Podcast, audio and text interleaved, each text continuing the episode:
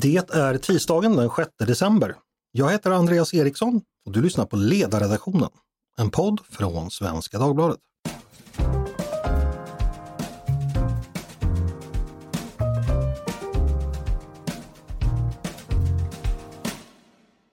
Varmt välkomna hörni! Har miljörörelsen misslyckats med att få med sig vanliga människor?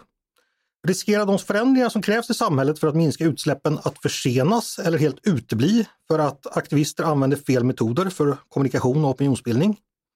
Hur bra är det för samhällets klimatomställning att limma fast sig vid motorvägar så att folk kommer för sent till jobbet? Det är saker som jag funderar på och det tänkte jag vi skulle fundera på i dagens podd också. Vi ska nämligen göra ett litet besök i just klimatrörelsen och känna dem lite på pulsen. Och med mig för att diskutera detta har jag två gäster, nämligen Henrik Jalalian från tankesmedjan Cogito och Carl Schlüter från Greenpeace. Varmt välkomna båda två! Tack snälla! Tack! Henrik, eh, chef och verksamhetsledare på Cogito och har tidigare jobbat på Miljöpartiet med eh, Märta Stenevi. Och så är du frilansskribent också. Jajamän! Mm. Och Carl, du har ju också en lång bakgrund inom Miljöpartiet, det känner säkert lyssnarna till. Eh, först som Europaparlamentariker och sen som riksdagsledamot. Numera har du dock lämnat partiet och nu jobbar du på Greenpeace som kampanjledare för systemförändring och klimat. Jajamensan. Och ditt nya parti heter? Greenpeace. Nej, Nej men när man det var är... annat däremellan va? Ja, just det. Ja, precis. Jag, jag var med och startade ett parti tillsammans med andra som heter partiet Vändpunkt. Men när man är med i Greenpeace och arbetar där så får man inte vara partiaktiv i något parti. Okej, okay, så mm. eh, Vändpunkt var ett kort mellanspel då alltså. Eh, vi ska börja med en debattartikel som du Henrik skrev för några veckor sedan. Eh, den rubbades så här. Eh, Dags för självrannsakan i miljörörelsen. Den publicerades i vår tidning i Svenska Dagbladet. Eh, där riktar du kritik mot den egna rörelsen helt, helt enkelt. Kan du bara kort eh, sammanfatta och, och den kritiken? Vad, vad är det man har gjort fel tycker du? Ja, men först och främst tyckte jag att det saknades en eftervalsdebatt. Som jag ser det så var nog miljörörelsen kanske den största förloraren i, i årets val. I princip nästan alla partier backade på sin eh, miljöpolitik jämfört med tidigare. Och eh, ja, det enda partiet som kanske liksom höll kvar och med, med sin miljöpolitik, eh, Miljöpartiet, gick ju inte jättebra.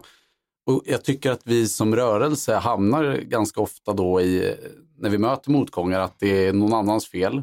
Um, vi säger att politikerna lyssnar inte, journalisterna skriver inte om våra frågor. Och jag tycker att det, det är dags att vi börjar prata om, men vad gör vi för fel då när folk inte lyssnar? Mm. Och där kan man tycka olika vad, vad, vad, vad, man gör för fel. Och jag tror att grundgrejen väldigt förenklat då är att vi är lite för dåliga på att vi behöver genomföra den här stora klimatomställningen, omställningen, men vi, vi är för dåliga på, på att stå på folks sida samtidigt som vi gör det. Och vi är också lite för dåliga på att bygga allianser med, mm. med andra rörelser i samhället. Mm. Vi nöjer oss så så länge, du ska få utveckla det här. Eh, jag ska bara kolla med dig Karl. Att miljörörelsen var valets största förlorare, håller du med om den analysen? Alltså miljörörelsen kämpar ju för miljön och miljön förlorade definitivt mm. på den här valrörelsen. Och jag tror det beror på att valrörelsen, vi visste från början skulle handla mycket om kriminalitet, om invandring. Och det enda parti då som hade starkt incitament att lyfta frågan om miljö, det var ju Miljöpartiet. Och de valde inte en strategi där miljön blev en konflikt på samma sätt. De svarade precis samma som alla andra partier att ja, men inga livsstilsförändringar behövs, vi löser det här med bara teknik. Och om du har en fråga och du vill få in den i valrörelsen, då måste det ju bli en konflikt så att folk börjar tycka den är intressant att prata om. Mm. Eh, ska bara, en sak jag glömde i början, tankesmedjan Kogito, vad är det för, det för någonting Henrik?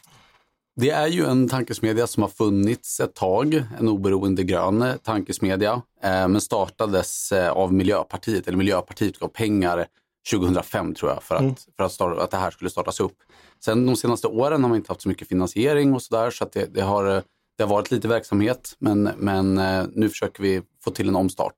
Mm. Ja, Okej, okay. kommer pengarna fortfarande från Miljöpartiet? Eh, än så länge inte. Vi får eh, pengar från Eh, något som heter Green European Foundation bland annat och olika projektstöd. Mm, okay. Eh, jag tänkte, då kan vi gå tillbaka till huvudfrågan. Karl, när du, du läste eh, Henriks eh, artikel, bara översiktligt, vad, vad, tänkte du? Nickade du medstämmande eller skakade du på huvudet och tyckte att här var han fel ute? Jag gjorde faktiskt både och. Nej men för att jag tycker ju att miljörörelsen står på vanligt folks sida, men man kanske inte alltid beskriver hur mycket bättre världen blir om vi gör de förslag som miljörörelsen vill man tror att status quo är en möjlighet, att vi kan fortsätta som vi gör. Men vi kommer förändra hur vi lever och, och gör vi det på ett planerat och strukturerat och bra sätt, då kan vi få väldigt goda liv. Kanske lite mindre materiell konsumtion, men väldigt bra liv.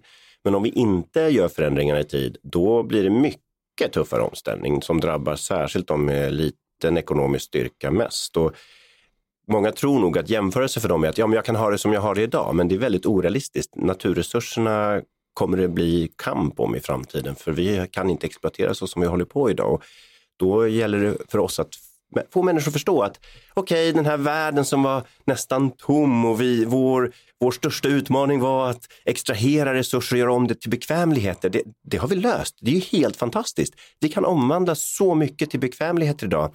Problemet är nu att nu är det vi som fyller upp världen med våra grejer och det blir svårt för ekosystemen som hela vårt liv är beroende av att överleva. Det är svårt för klimatet att vara tillräckligt stabilt för att få våra jordbruksgrödor att kunna skörda. Så att det är den här omställningen att vi hade en ekonomi som det var smart att pumpa upp den för då kunde vi få allihopa mer bekvämligheter. Nu kanske vi ska fundera mer på hur vi kan fördela det, de rester som finns kvar av de här resurserna. Okej, eh, Henrik, du, du satt och nickade lite här när, när, när Carl pratade. Eh, lät med, eh, är det här din miljörörelse som pratade och pratade på ett vettigt sätt tyckte du?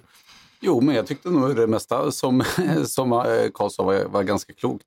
Um, både det här förstås att men, någonstans så oavsett, även om vi helt struntar i klimatet och inte vill göra någonting, så det, det kommer ju vara mindre resurser. Alltså så, så är det ju tyvärr. Mm. Um, så att där, det måste man ju hantera mm. oavsett vad man tycker. Sen, ja. vi, vi, ska gå ner lite i, mer, mer, i detalj på din kritik. Eh, en sak du skriver i din artikel är att eh, du tycker att man blir för teknokratisk som du skriver, att man uppmanar folk till att lyssna på experterna och eh, du tycker inte riktigt det flyger. Vad, vad, det är väl ändå klokt att säga att lyssna på experterna? Det är, de flesta av oss respekterar väl experter? Jo men det är klart, men man riskerar ju också att komma väldigt eh, långt ifrån vanliga människor. Och att, ja, man måste ju såklart lyssna på experterna och man måste, det, men det blir ju mycket ett ganska tekniskt prat och det här är ju, menar, det här är ju i allra högsta grad en, en självkritik. Jag har själv hållit på väldigt mycket med koldioxidbudgetar och utsläppsmål och sådana saker och det är ju superviktigt. Men jag tror att om man, om man pratar väldigt mycket som rörelse om målen till 2030, målen till 2025 eh, liksom eller vad det nu kan vara, det känns väldigt frånkopplat från människors vardag och det kan också, tror jag i värsta fall så blir det ju en känsla av att de där människorna som ska leva i det där samhället eller som ska göra den här omställningen, att men var, vart kommer vi in i det här? Och att man måste kunna prata så att man, man eh, Ja, så att man, man, vanliga människor kan relatera till det på ett bättre mm. sätt. Karl, mm. är ni för teknokratiska när ni pratar?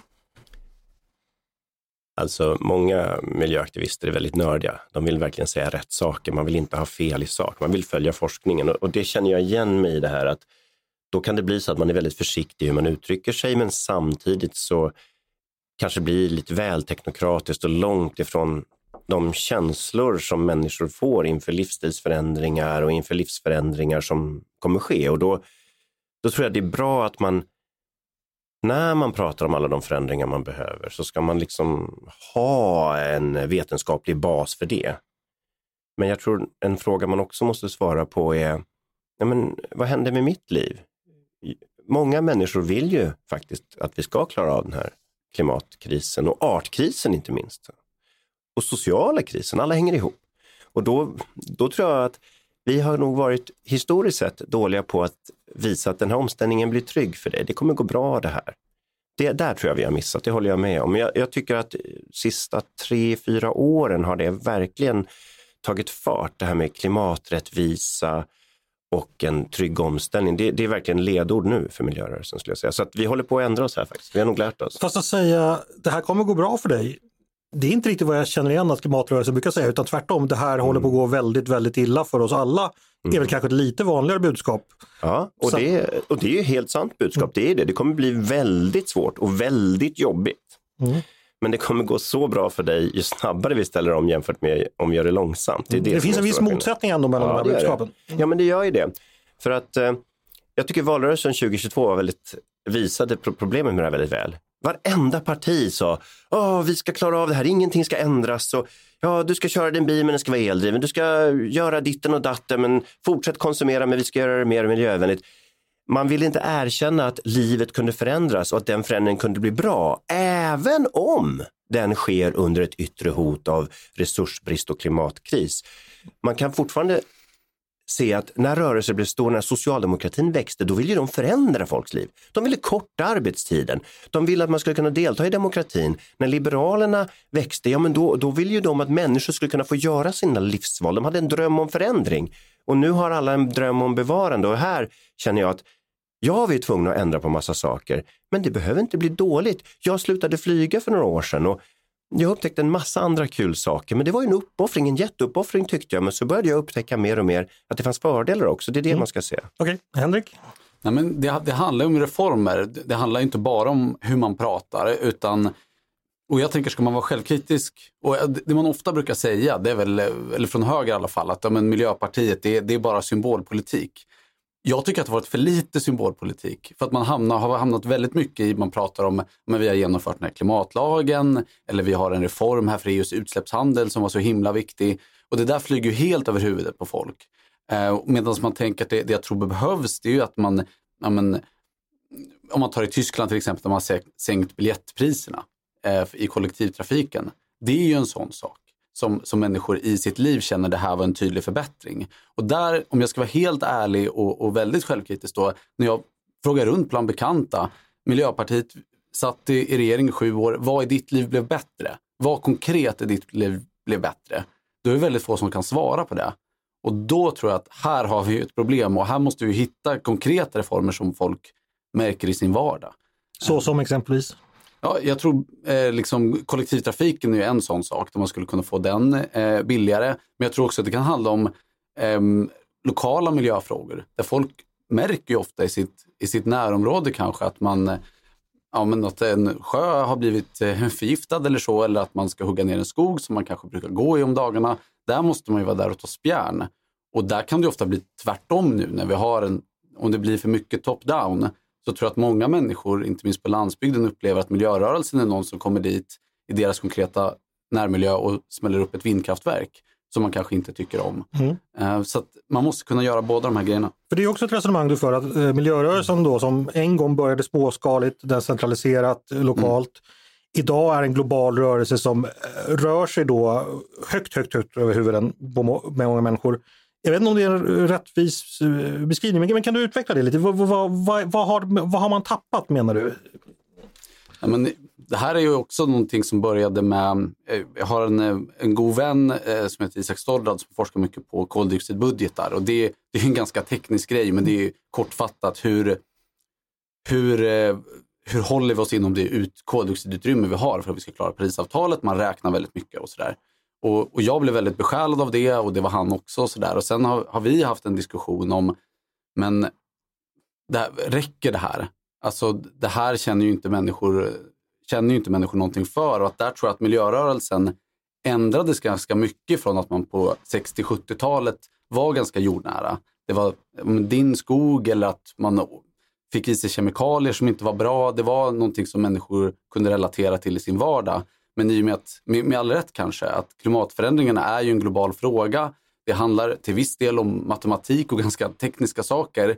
Eh, så har man blivit en rörelse som, som ser för mycket, eh, eller inte för mycket, men man, man hamnar i det globala perspektivet.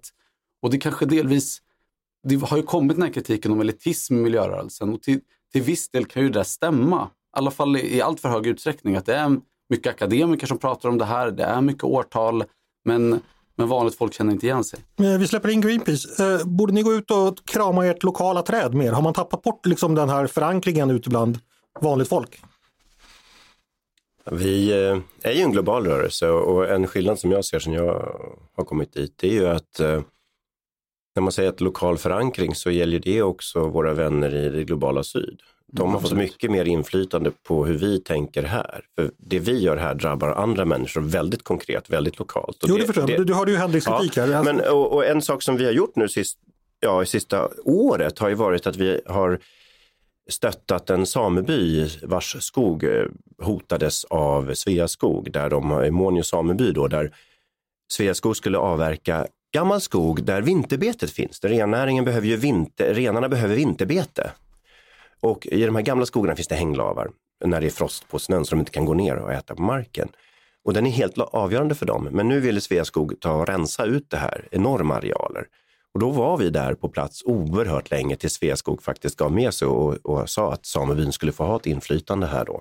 Så att vi är, gör, gör ju både och. Greenpeace är kända för att göra lokala aktioner men vara en global organisation samtidigt. Jag tycker att man ska, måste göra båda. Man får inte fly från att allt hänger ihop. Men jag håller med om att det som engagerar är det som är nära dig eller som du kan liksom känna igen dig i.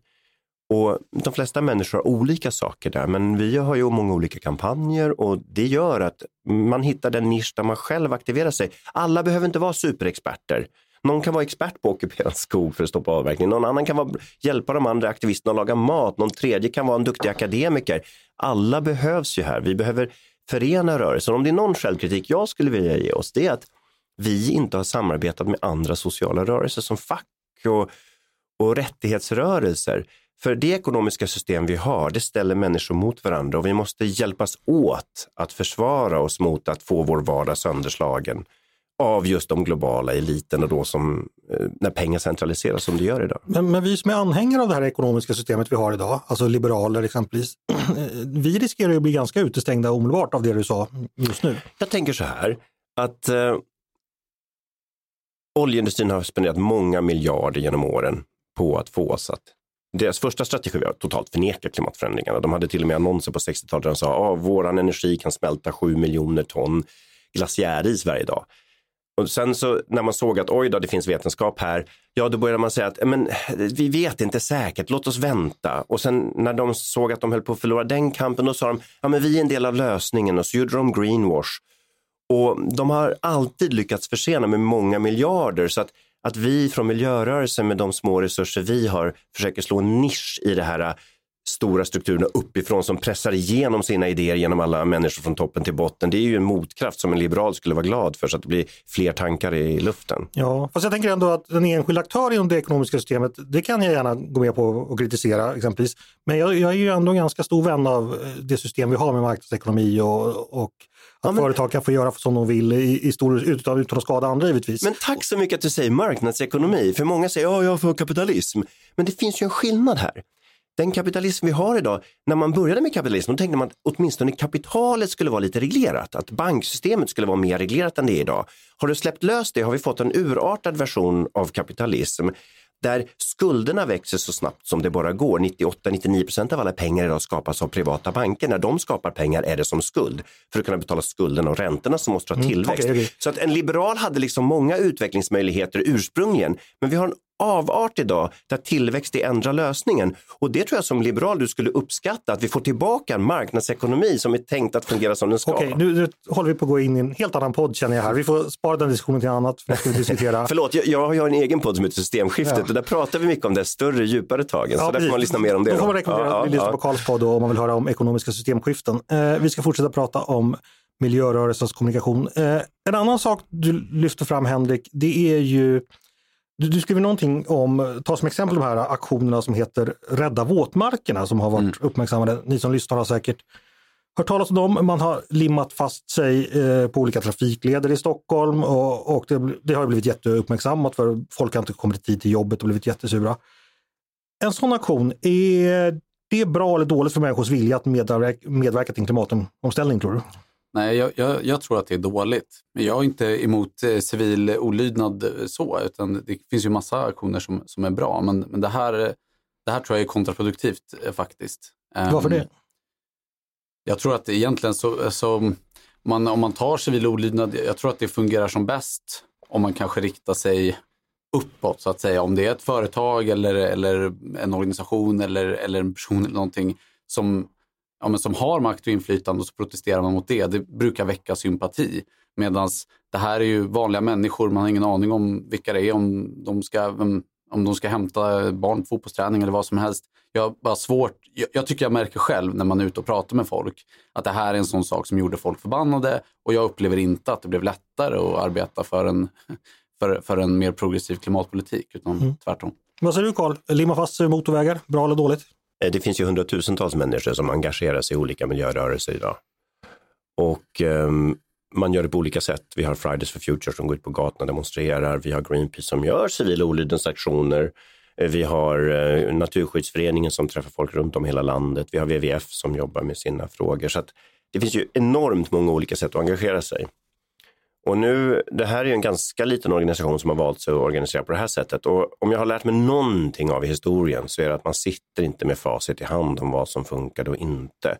Men vad jag vet från tidigare forskning är ju att eh, när du har en stor mängd människor som vill något så finns det några som alltid vill jobba på ett annat sätt. Och historiskt sett så har det här oftast inte hindrat en, en förändring. Ibland har det till och med skyndat på en förändring. Så att jag tror att svaret på din fråga får vi om tio år. Men det här kontraproduktiva som Henrik lyfter, du tror inte att det kan vara direkt skadligt för klimaten, klimatsaken? Mm, vad jag tror spelar faktiskt inte så stor roll eftersom de kommer göra det oavsett vad jag tror eller inte. Utan vi kommer få facit. Du kan ju läxa upp dem och säga så här, Greenpeace tycker... Nej, det är inte vår roll riktigt. Vår roll mm. är att eh, göra ett så gott miljöarbete som vi kan och många andra jobbar på andra sätt. Vår roll är att människor ska engagera sig och delta. Och så länge man då väljer sin metod och tar ansvar för det. För en grundläggande del i civil olydnad är ju att man tar ansvar för vad man gör och, och nu är det ju en massa rättegångar och annat för de här människorna, så de gör ju det. Ja, fast riktigt så enkelt är det inte, för att jag menar, skulle någon gå ut och spränga sig själv i luften för klimatfrågan så skulle du ta avstånd från dem ifall det var sådana extrema aktioner. Så ja, är men... det direkt destruktivt så ingår väl ändå i din roll att uh, säga nej? Nej, men nu jag. tror jag måste förklara lite grann civil olydnad. Civil olydnad är per definition icke-våld. Man ja, jag, inte, jag, jag var inte ja. ute efter att definiera civil olydnad. Du sa bara att jag kommer inte kritisera någon som vill ungefär samma sak som jag. Det är inte min sak. Men gör man väldigt dumma saker, ja. alltså direkt dumma saker, då skulle väl du ändå kritisera? Eh, ja, nej, men Greenpeace tror ju på icke-våldsprincipen är oerhört viktig för oss. Så mm. det, det, det, där står vi ju en gräns förstås. Okay. Ja. Mm. Eh, Henrik? Ja, men det handlar ju inte bara om kritik tycker jag, utan en dialog. Jag har ju hört från många av de här människorna, så det är flera personer som har skrivit till mig och sagt bra, jag har faktiskt ändrat uppfattning. Så det handlar ju inte bara om att läxa upp folk utan vi som, som en bred rörelse måste ju kunna ha en in, intern dialog och där man säger men här håller inte jag med, nu gör vi fel.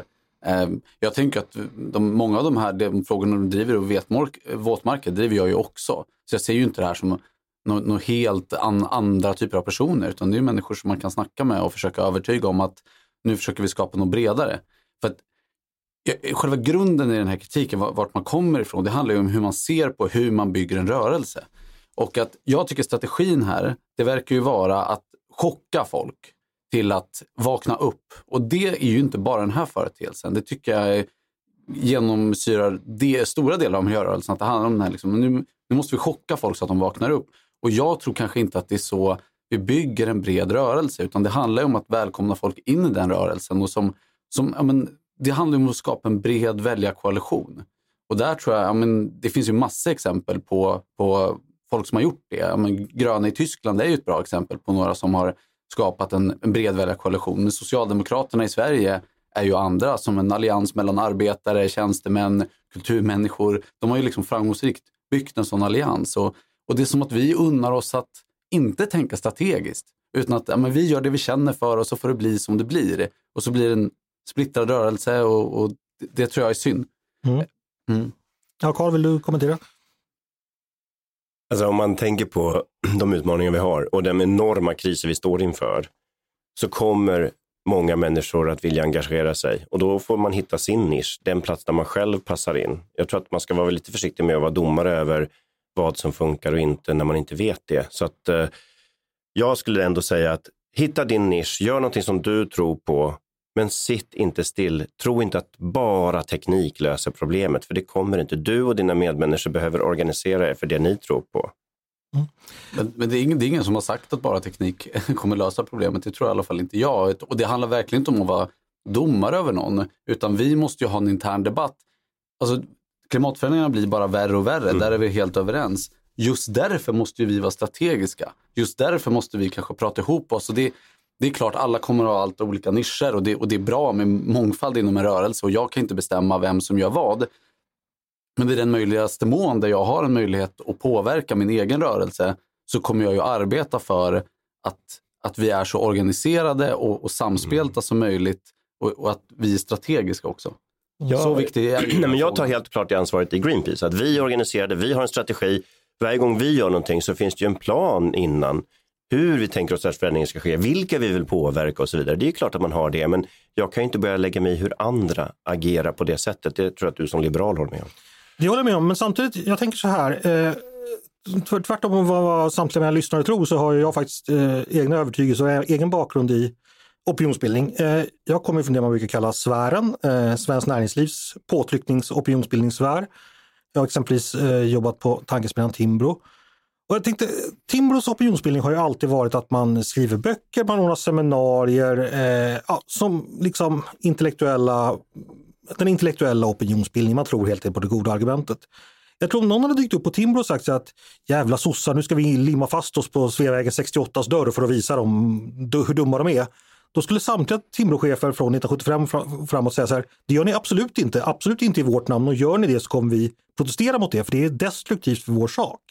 Så tänker jag i den opinionsbildningsvärld jag kommer ifrån. Men jag tänker likadant, du sa nämligen i vårt namn.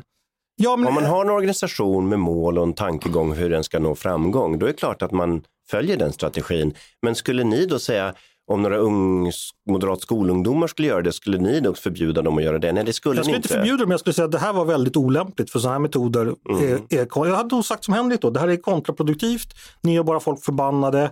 Vi har så starka saker i våra argument så vi behöver inte fåna oss med det här. På samma sätt som jag liksom exempelvis har kritiserat antirasister som har liksom tutat vuvuzela när Sverigedemokraterna möte. För jag säger så här, det här hjälper inte. Eh, det får bara Sverigedemokraterna framstå som offer. Eh, och det, det kan jag säga att där kan jag titta tillbaka på tio år, då tycker jag faktiskt att antirasisterna idag beter sig på ett annat och bättre sätt idag. Man har slutat tuta vuvuzela och det är jag väldigt glad för. Eh, så det är klart det finns olika syn på effektiv opinionsbildning och det är väl klart man ska kunna säga Alltså allting som tycker rätt gör ju inte alltid rätt, tänker jag.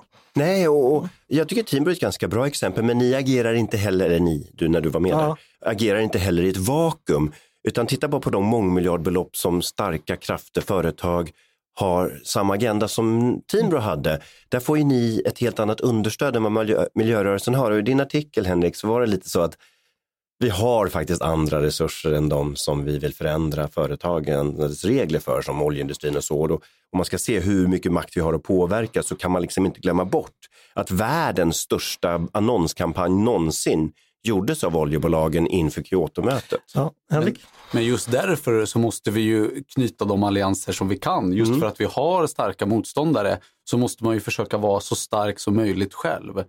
Ehm, så det är ju lite det som jag också, det är ju hela poängen med att bygga allianser. Att ja, men vi kanske behöver kroka arm i fackföreningsrörelsen, men egentligen alla rörelser. Och det, det kan ju också vara specifikt för en viss fråga. Det här är ju en sak som, det här är lite kontroversiellt att säga och kanske det är kul att säga för att det, det är drastiskt, men men om man tar till exempel skogsfrågan, jag menar, där finns ju Jägarförbundet som ni delar väldigt många intressen med. Där tror jag att där skulle vara en intressant allians. Sen finns det ju mycket där, där som stora delar av miljörörelsen och Jägarförbundet absolut inte håller med varandra och så kommer det säkert alltid vara. Men där man tycker lika, där skulle, skulle det, det vara intressant att försöka knyta en allians. Nu hoppas jag att ingen på GS-facket blir arg på mig om jag säger det här, här i er podd. Men, men jag har haft uh, jättebra samtal med dem. Vi, vi hade en klimatdag när vi pratade med varandra. Vi har diskuterat, liksom den skämtsamma ingången var, vi står på ena sidan förarhytten och ni står på andra i skogen. Men i slut, alltså GS-facket är de som organiserar skogsarbetare bland annat. Eh, och vi hade otroligt bra dialog och det tror jag på. För då, när man har den, då, de till och med hade ju lagt en motion om att dagens bank och ekonomisystem måste förändras, annars kollapsar planetens ekonomi. Och Det var ju helt samma tankegång som vi, men de hade kommit från den andra dimensionen och samma sak. De har ju haft jättemycket relationer med folk i Vitryssland som förtrycks, deras fackmedarbetare och Ukraina nu på sistone också. Och samma sak har ju miljörörelsen utsatts för. Att arbetarrörelsen i Colombia, där har ju till och med Vattenfall deras underhuggare där eh, har hotat och till och med faktiskt mördat fackföreningsledare. Eh, och vi ser att miljöaktivister dödas runt om i världen. Så jag tror att det finns många beröringspunkter som man glömmer bort. Eh, och det håller jag verkligen med om, att man kan bygga allianser med folk så att man ser att det är ett systemproblem. Det är inte något fel på miljörörelsen, det är inte fel på fackförbundet, det är ett fel på ett system som förtrycker dem på det sätt som de gör. Ja, men bra, nu, nu börjar vi komma någonstans. För det, det är precis det här jag tror på. Att att försöka knyta allianser, alltså dels är vi ganska dåliga på att knyta allianser med, med organisationer som står oss nära. Jag upplever att miljörörelsen är ganska splittrad. Det är olika fraktioner som tycker nästan lika men, men lite olika och då, då, då, då hamnar man i olika fraktioner och falanger och sådär. Men också så finns det en poäng att knyta allianser med folk som tycker väldigt olika. För just då, då skapar man ju ett otroligt tryck i en fråga. Ja, men alltså, Sen, sen finns det ju gränser såklart. Jag menar, vi ska inte samarbeta med, med folk som driver helt andra intressen. Men det där var ett jättebra exempel. Alltså jag kanske har blivit lite så här uppmjukad, men, men jag var ju ett EU-parlamentariker i tio år och där fanns det ju enorma åsiktsskillnader. Så ja, jag tycker inte gör så mycket om folk tycker lite olika. Man drar lite eh, åt olika håll ibland, och, men Alltså de flesta jag pratat med, när man sätter sig ner och man resonerar med dem så kan man i alla fall hitta någon lösning framåt. Inte med alla, men med de flesta. Och Ja, det är så det kommer bli här tror jag. Men vi måste gå fort. Vi, vi, liksom, jag kan nog betona hur fort det här måste gå, de här förändringarna. Det, det måste gå fort också till nästa ämne för att vi ska hinna med det. Hey, I'm Ryan Reynolds. At Mint Mobile, we like to do the opposite of what Big Wireless does. They charge you a lot, we charge you a little. So naturally, when they announced they'd be raising their prices due to inflation, we decided to deflate our prices due to not hating you. That's right. We're cutting the price of Mint Unlimited from $30 a month to just $15 a month. Give it a try at mintmobile.com slash switch. $45 upfront for three months plus taxes and fees. Promo rate for new customers for limited time. Unlimited more than 40 gigabytes per month. Slows. Full terms at mintmobile.com. Jag tänkte pröva en tanke på er. Eh, strax efter valet så hade jag eh, tre stycken sådana här personer som var jätteduktiga på trender bland ungdomar på besök i podden. Och vi pratade då om då att ungdomar hade eh, eh, röstat höger i, hö i hög grad i valet då. Och en sak som dök upp där, eh, som de sa, som var faktiskt en, ja, det var en ny tanke för mig, det var att nu kan man, för tiden kan man vara, bry sig om klimatet och vara höger och folk tycker det är okej för att är man för kärnkraft då är det liksom en klimaträddare och det har liksom blivit någonting ganska, en stark tanke eh, där ute. Eh, och då är man liksom inte traditionellt associerad med den traditionella klimatrörelsen för den anses liksom hata kärnkraft i största allmänhet och har grundats i det. Den tanken, jag tänkte bara pröva den på er. Är det någonting ni har tänkt eller hört talas om eller känner igen? Vad säger du Henrik? Nej men ehm, det, det finns ju absolut, alltså man, om man tittar på ehm, i Australien till exempel så finns det ju de här TEALS, där det, där det gröna partiet är ett eh, grönt vänsterparti och så har det kommit de här politikerna som är, som är tydligt höger men också mm, har ganska skarpa klimatförslag. Mm. Så man tar den biten, absolut. Sen kärnkraften, det, det, det var ju skickligt av, eh, av högern i det här valet, att man var ganska samspelt och trummade fram en, en fråga. Sådär. Mm. Men, men absolut, det, har ju, det, den, det är ju en väldigt viktig del att, att ungdomarna verkar i väldigt hög utsträckning röstat på, på Moderaterna, KD, SD. Sådär. Köper du det att man kan vara höger kärnkraftsvän och ändå bry sig om klimatet? Är det en kombination? Tror du liksom att kärnkraften är den lösning som den gruppen tror? Jag- tror just om man, man separerar dem lite de här frågorna. Det ena kan man vara höger och bry sig om klimatet. Det, det tror jag absolut. Kärnkraftsfrågan, det är ju en liten annan. Det är, det är klart du kan bry dig jättemycket om klimatet och, och, um, och vara för kärnkraften. Jag tror kanske det är snarare en produkt av ett väldigt framgångsrikt opinionsarbete. Sen kan man tycka olika om kärnkraftsfrågan, men det är lite olika saker. Okej, vad säger du Karl? Jag håller faktiskt inte med dig. Jag tycker nästan, om du tittar på 1970 års valplattform så hade Moderaterna en av de mest miljöstarka plattformarna av alla de fem partierna som blev invalda det valet. Så jag tycker högern har tappat miljöfrågan. så. För många nationalparker har startats av högerpartier. Så jag tycker högern har börjat släppa miljöfrågan. Man har fallit offer för någon slags förnekaragenda där. Så jag håller inte med. Och när de pratar om kärnkraft så är det egentligen inte ett miljölösningsproblem utan det är en greenwash-problem vi har. Titta på kärnkraften. Globalt sett står den för 5% av jordens totala energiförsörjning, 10% av elen. Och de flesta reaktorerna byggdes på 70 80-talet, vilket innebär att de är så gamla att de måste bytas ut snart om man vill ha nya. Det gör att inte ens om du satte hela världens ingenjörer, omskolade dem och skyndade på utvecklingen, så kommer kärnkraftsindustrin ens orka kompensera för de åldrande reaktorerna som de vill byta ut. Så att, att det skulle vara någon slags miljöproblem. Det tar ju bara det tar ju bara tre års tillväxt för att öka energianvändningen lika mycket som hela jordens kärnkraft producerar. Så att nej, nej man, man är offer för en greenwash Okej. man är lurad av industrin. säga. Greenpeace är fortsatt emot kärnkraft. Jag hade blivit förvånad ifall det var att. Ja, men, men det är ju också en verklighetsfråga. Titta bara på ekonomin, titta på hur dyrt det är, titta på hur långsamt det är. Titta på, alltså det, Ja, återigen en annan ja, podd Karl. Ja. Eh, Henrik, du vill hoppa in? Nej, men jag, jag tycker det, där, det är ett ganska intressant exempel om man, om man nu ändå ska ägna oss åt självkritik. Jag tycker jag är också emot väldigt många delar av höger, vad högern gör. Det vill jag ändå få sagt. Där. Men, men att Jag, jag tycker att det är intressant för att om man har den här retoriken från från kanske många unga delar av det, klimatrörelsen vi ser nu, så har den varit att inget parti gör tillräckligt, ingen rörelse gör tillräckligt, Mm, alla bara intressant, ja. Och sen tycker jag att miljörörelsen och, och Miljöpartiet, partierna har misslyckats att få ut ett eget budskap, en egen kärnkraftsfråga som dominerar debatten. Så att jag tror för många ungdomar är det eh, stora delar av klimatrörelsen, unga klimataktivister säger ingen gör tillräckligt, alla är lika dåliga. Och sen kommer det ett, eh, eh, några partier som säger men vi har en lösning och det är kärnkraften och så trummar de ut kärnkraft, kärnkraft, kärnkraft. Och så hör man ingenting annat. Så det, det kanske är så också att, att eh, man inte har bjudit upp till dans och kommit med egna miljöfrågor. Men sen vill jag lägga till en sak till och det är att tittar man på vad som hände i valrörelsen så såg man att högern var ju oerhört mycket skickligare på att använda de sociala medier som de unga Exakt. använder. Där, där såg man en jätteskillnad i hur många budskap som framfördes från respektive sida. Exakt. Ja, men det tror jag med. Fråga, eh, det är intressant att säga det, för jag tänkte fråga er om opinionsbildning generellt. Jag har ju höjt då Timbro och Sveriges opinionsbildning till skyarna här. Eh, finns det någon aktör som ni tycker klimat och miljörörelsen ska lära sig av när det gäller att nå ut med sitt budskap? Att hitta argument som folk lyssnar på eller berättelser eller narrativ. Alltså helt enkelt bra kommunikatörer som tänker, fan gör vi sådär då, då går det mycket bättre. Eh, vad säger du Henrik? Ja, nej, men det, det finns ju hur många som helst såklart. Ehm, jag har kollat en del på det australiensiska valet och där finns det ganska många aktörer som är, de är kaxiga och de, men de är också ganska roliga.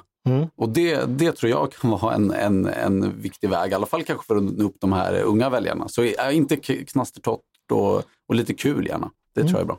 Karl, har du några favoriter du sneglar på?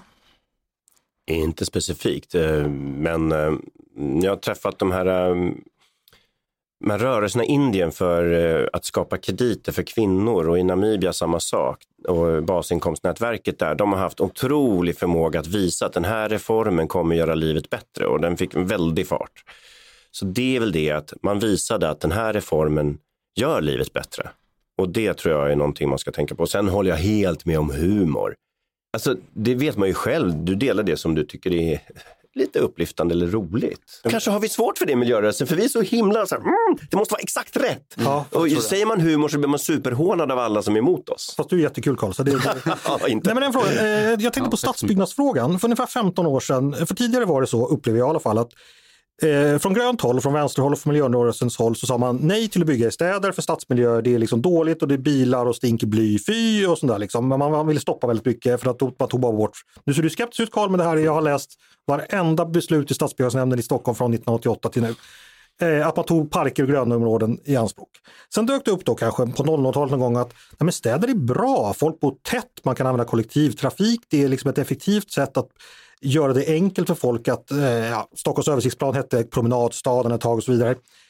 Och det tog ett tag, upplevde jag, innan Miljöpartiet i Stockholm riktigt hängde med på. Nu har man svängt om och vill gärna bygga tätt och kvarterstad och sådär. Men ett tag var man väldigt mycket ute efter att varenda liten skogsdunge, som visserligen ingen jävel använde, men den var grön, den skulle ändå bevaras oavsett om den var mitt i en motorvägs eh, triangel. Liksom så här. Där kom det liksom in nya argument eh, och där blev, låg i alla fall Miljöpartiet i Stockholm och de får representera miljörörelsen lite efter. Jag vet inte om ni minns det här eller känner igen min historiebeskrivning, men jag satt eh, i Stadshuset på 90-talet som Ja. handläggare i gatufastighetsnämnden. Ja, men okej, då kanske du kan kom kommentera varför jag har fel eller varför jag har rätt. Nej, men alltså det, helt klart var det så att man var emot mycket av utbyggnaderna och det bygger på väldigt bra forskning. Det är nämligen otroligt viktigt för människor att ha nära till grönområden. Dels av temperaturskäl i staden när den blir varmare, dels av rekreationsskäl, dels att det är psykiskt välmående. Våra hjärnor är ganska väl anpassade för Så du är fortfarande emot förtätning i Stockholm? Alltså så här är det, om du tittar på mm, vad som är den miljöeffektiva staden Mm. så är den optimala storleken där det lönar sig att ha reningsverk och kollektivtrafik och så runt 200 till 400 000. När Oj, då får vi städen- dela upp Stockholm på många små. Ja, men det är det jag menar. Så Stockholm, om vi fläskar på med mer människor här, då kommer det bli så tätt att livsmiljön faktiskt blir sämre. Så jag skulle nog personligen, det här... det är det ingen som inte- vill bo i London eller New York eller Paris. Eller, alla hatar det. Ehm, ja, sen är det ju så att det är inte bara eh, den luft man andas och, och den inre välmåendet man har, utan många har ju ett väldigt starkt behov av att ha jobb förstås och då Mm. inkomst. Och, och det är det som ofta drar folk till städerna snarare än att det är en underbar livsmiljö. Ja, eller att man uppskattar storstadens utbud om man tycker om att gå på teater eller gå på restaurang eller träffa människor och sånt där. Precis, och det utbudet finns ju kvar även om man då inte hugger ner det sista trädet.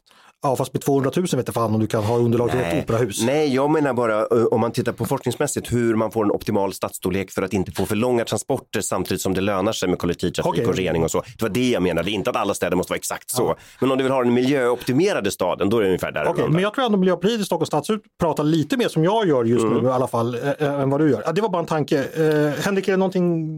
Nej, du, du har redan svarat på den här frågan förresten. Nej, men alltså, det, det är klart att det finns stadsutveckling. Eh, det går ju framåt, det är på olika sätt vad man tycker är viktigt med en stad. Eh, Men det, det är ändå viktigt för människor att få rekreation och, och liksom tystnad och lugn. Det, det visar väldigt mycket forskning att just tillgång till tystnad är oerhört viktigt, så det får man inte glömma bort heller. Mm, Henrik? Men men jag tror det här handlar också om, nu, nu handlar man i så här forskningsrapporter och vad, vad säger forskningsrapporterna, vad, vad är det absolut optimala sättet att uh, uh, liksom utforma en stad på? Jag tror att vi som miljörörelse också- måste också börja prata om en, naturens inneboende värde. Och det, det är klart att det kan finnas fall där man behöver förtäta och det, det finns nog platser som är ganska bra för det. Men jag tror också man måste ju, man får inte glömma om man tar ja, men Hammarbyskogen till exempel som jag bor i, i närheten av. Den har ju ett otroligt värde för många, för många av oss som bor i närheten. Och eh, att eh, det också finns ett djurliv där.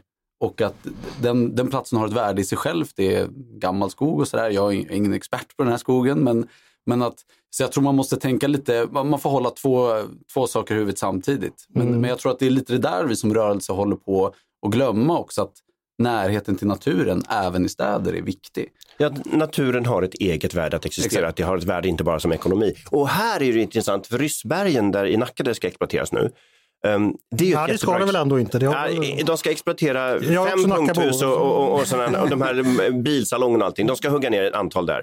Och sen ska det bli naturreservat resten. Det är ett jättebra exempel där idag finns oerhört höga naturvärden.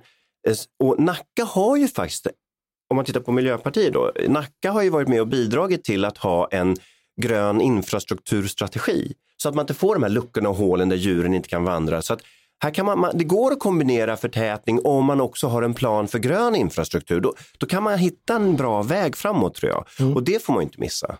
Vi ska inte gå ner för allt för mycket lokalpolitik. Tror jag eh, lyssnarna inte Nacka ligger utanför Stockholm. Alltså. Ja. Ja, precis. Eh, Och det visar sig att både jag och Karl är folkbokförda i kommunen så att vi skulle kunna diskutera det. Men det ska vi inte göra. Eh, Jag ska ta och runda av och då tänker jag bara be er att titta lite in i framtiden utifrån vad vi har pratat om nu eh, de närmaste åren. Vad blir eh, er rörelse, er klimat och miljörörelse, vad blir avgörande för dess framgång under ja, de närmsta åren? Och eh, ska du börja Karl? Och helt kort. Ja, jag tror att det blir eh, väldigt viktigt att folk återfår tron på demokratin och att den kan användas till att förändra livet. För då kommer man börja drömma igen. Jag tyckte vi saknade helt visioner om ett bättre liv 2022. Och om folk ska orka med de stora förändringar som vi kan göra frivilligt och i tid för att skaffa det bra livet, gör vi, lyckas vi inte med det nu, då kommer de ofrivilligt att pressa sig in i vår ekonomi och vår vardag och då kommer omställningen bli väldigt både odemokratisk, ojämlik och skadlig för oss. Henrik, samma fråga till dig. Vad blir avgörande för rörelsen de närmaste åren att få ut sitt budskap och lyckas? Visioner behövs absolut och, och reformer som folk känner någonting för. Ehm, jag tror faktiskt en liten dos ödmjukhet inte heller skulle skada. Att vi bara funderar på varför väldigt många människor känner att miljörörelsen är emot dem och inte med dem. Får jag fråga, varför har du fått någon respons förresten på din artikel i Svenskan, den vi inledde att prata om? Har folk varit sura eller glada eller? Jag var förvånad. Jag tänkte nu kastar jag in en, en brandfackla här och så kommer folk bli, bli jättearga. Men jag har varit eh, otroligt glad över responsen. Jag har fått, aldrig nästan fått så mycket mejl och telefonsamtal efter en artikel. Och ja, du vet ju själv som skriver för, för tidningar och, och så att det, det är inte alltid man får mejl där någon säger men vet du vad, jag läste det här och tänkte faktiskt om. När jag Ja. skriver får jag ofta det kan jag Ja men gud, det är för att du är så jäkla bra då. Men Nej. ja, jag Nej, jag fick en, en hel del sådana som, eh, som skrev att, vet du vad, jag, jag tyckte annorlunda förut men så läste jag artikeln, tycker det här var toppen. Mm. Så nej, jag. Om artikeln kan trigga till det personliga mötet, det är då man ofta kan få den här omvändelsen du pratar om, att man får en aha-upplevelse när man har pratat igenom någonting med någon. Det, Mm. det, så dialogen, håll den öppen. Och den artikel vi pratar om det är alltså en debattartikel som Henrik har skrivit som hette Dags för självrannsakan i miljörörelsen som du självklart har publicerat i Svenska Dagbladet. eh, med det så är det väl dags att runda av och jag säger stort tack till eh, Henrik Jalalian och eh, Carl Schlüter för att ni ville komma och prata med mig idag. Tack så mycket. Tack så jättemycket. Och tack till er som har lyssnat också på Ledarredaktionen. En podd från Svenska Dagbladet. Ni som vanligt varmt välkomna att höra av er till redaktionen med tankar och synpunkter på det vi precis har diskuterat. Eller om ni har idéer och förslag på det vi ska ta upp i framtiden. Det är bara att mejla oss på ledarsidan snabel svd.se. Och har ni- Bankreformen, bankreformen, bankreformen. Och har ni några riktigt bra förslag på eh, hur klimatrörelsen ska bli skarpare i sin kommunikation så ska jag givetvis skicka dem vidare till Henrik och Karl. Dagens producent, han heter Jesper Sandström som vanligt. Jag heter som vanligt Andreas Eriksson och jag hoppas som vanligt att vi hörs snart igen.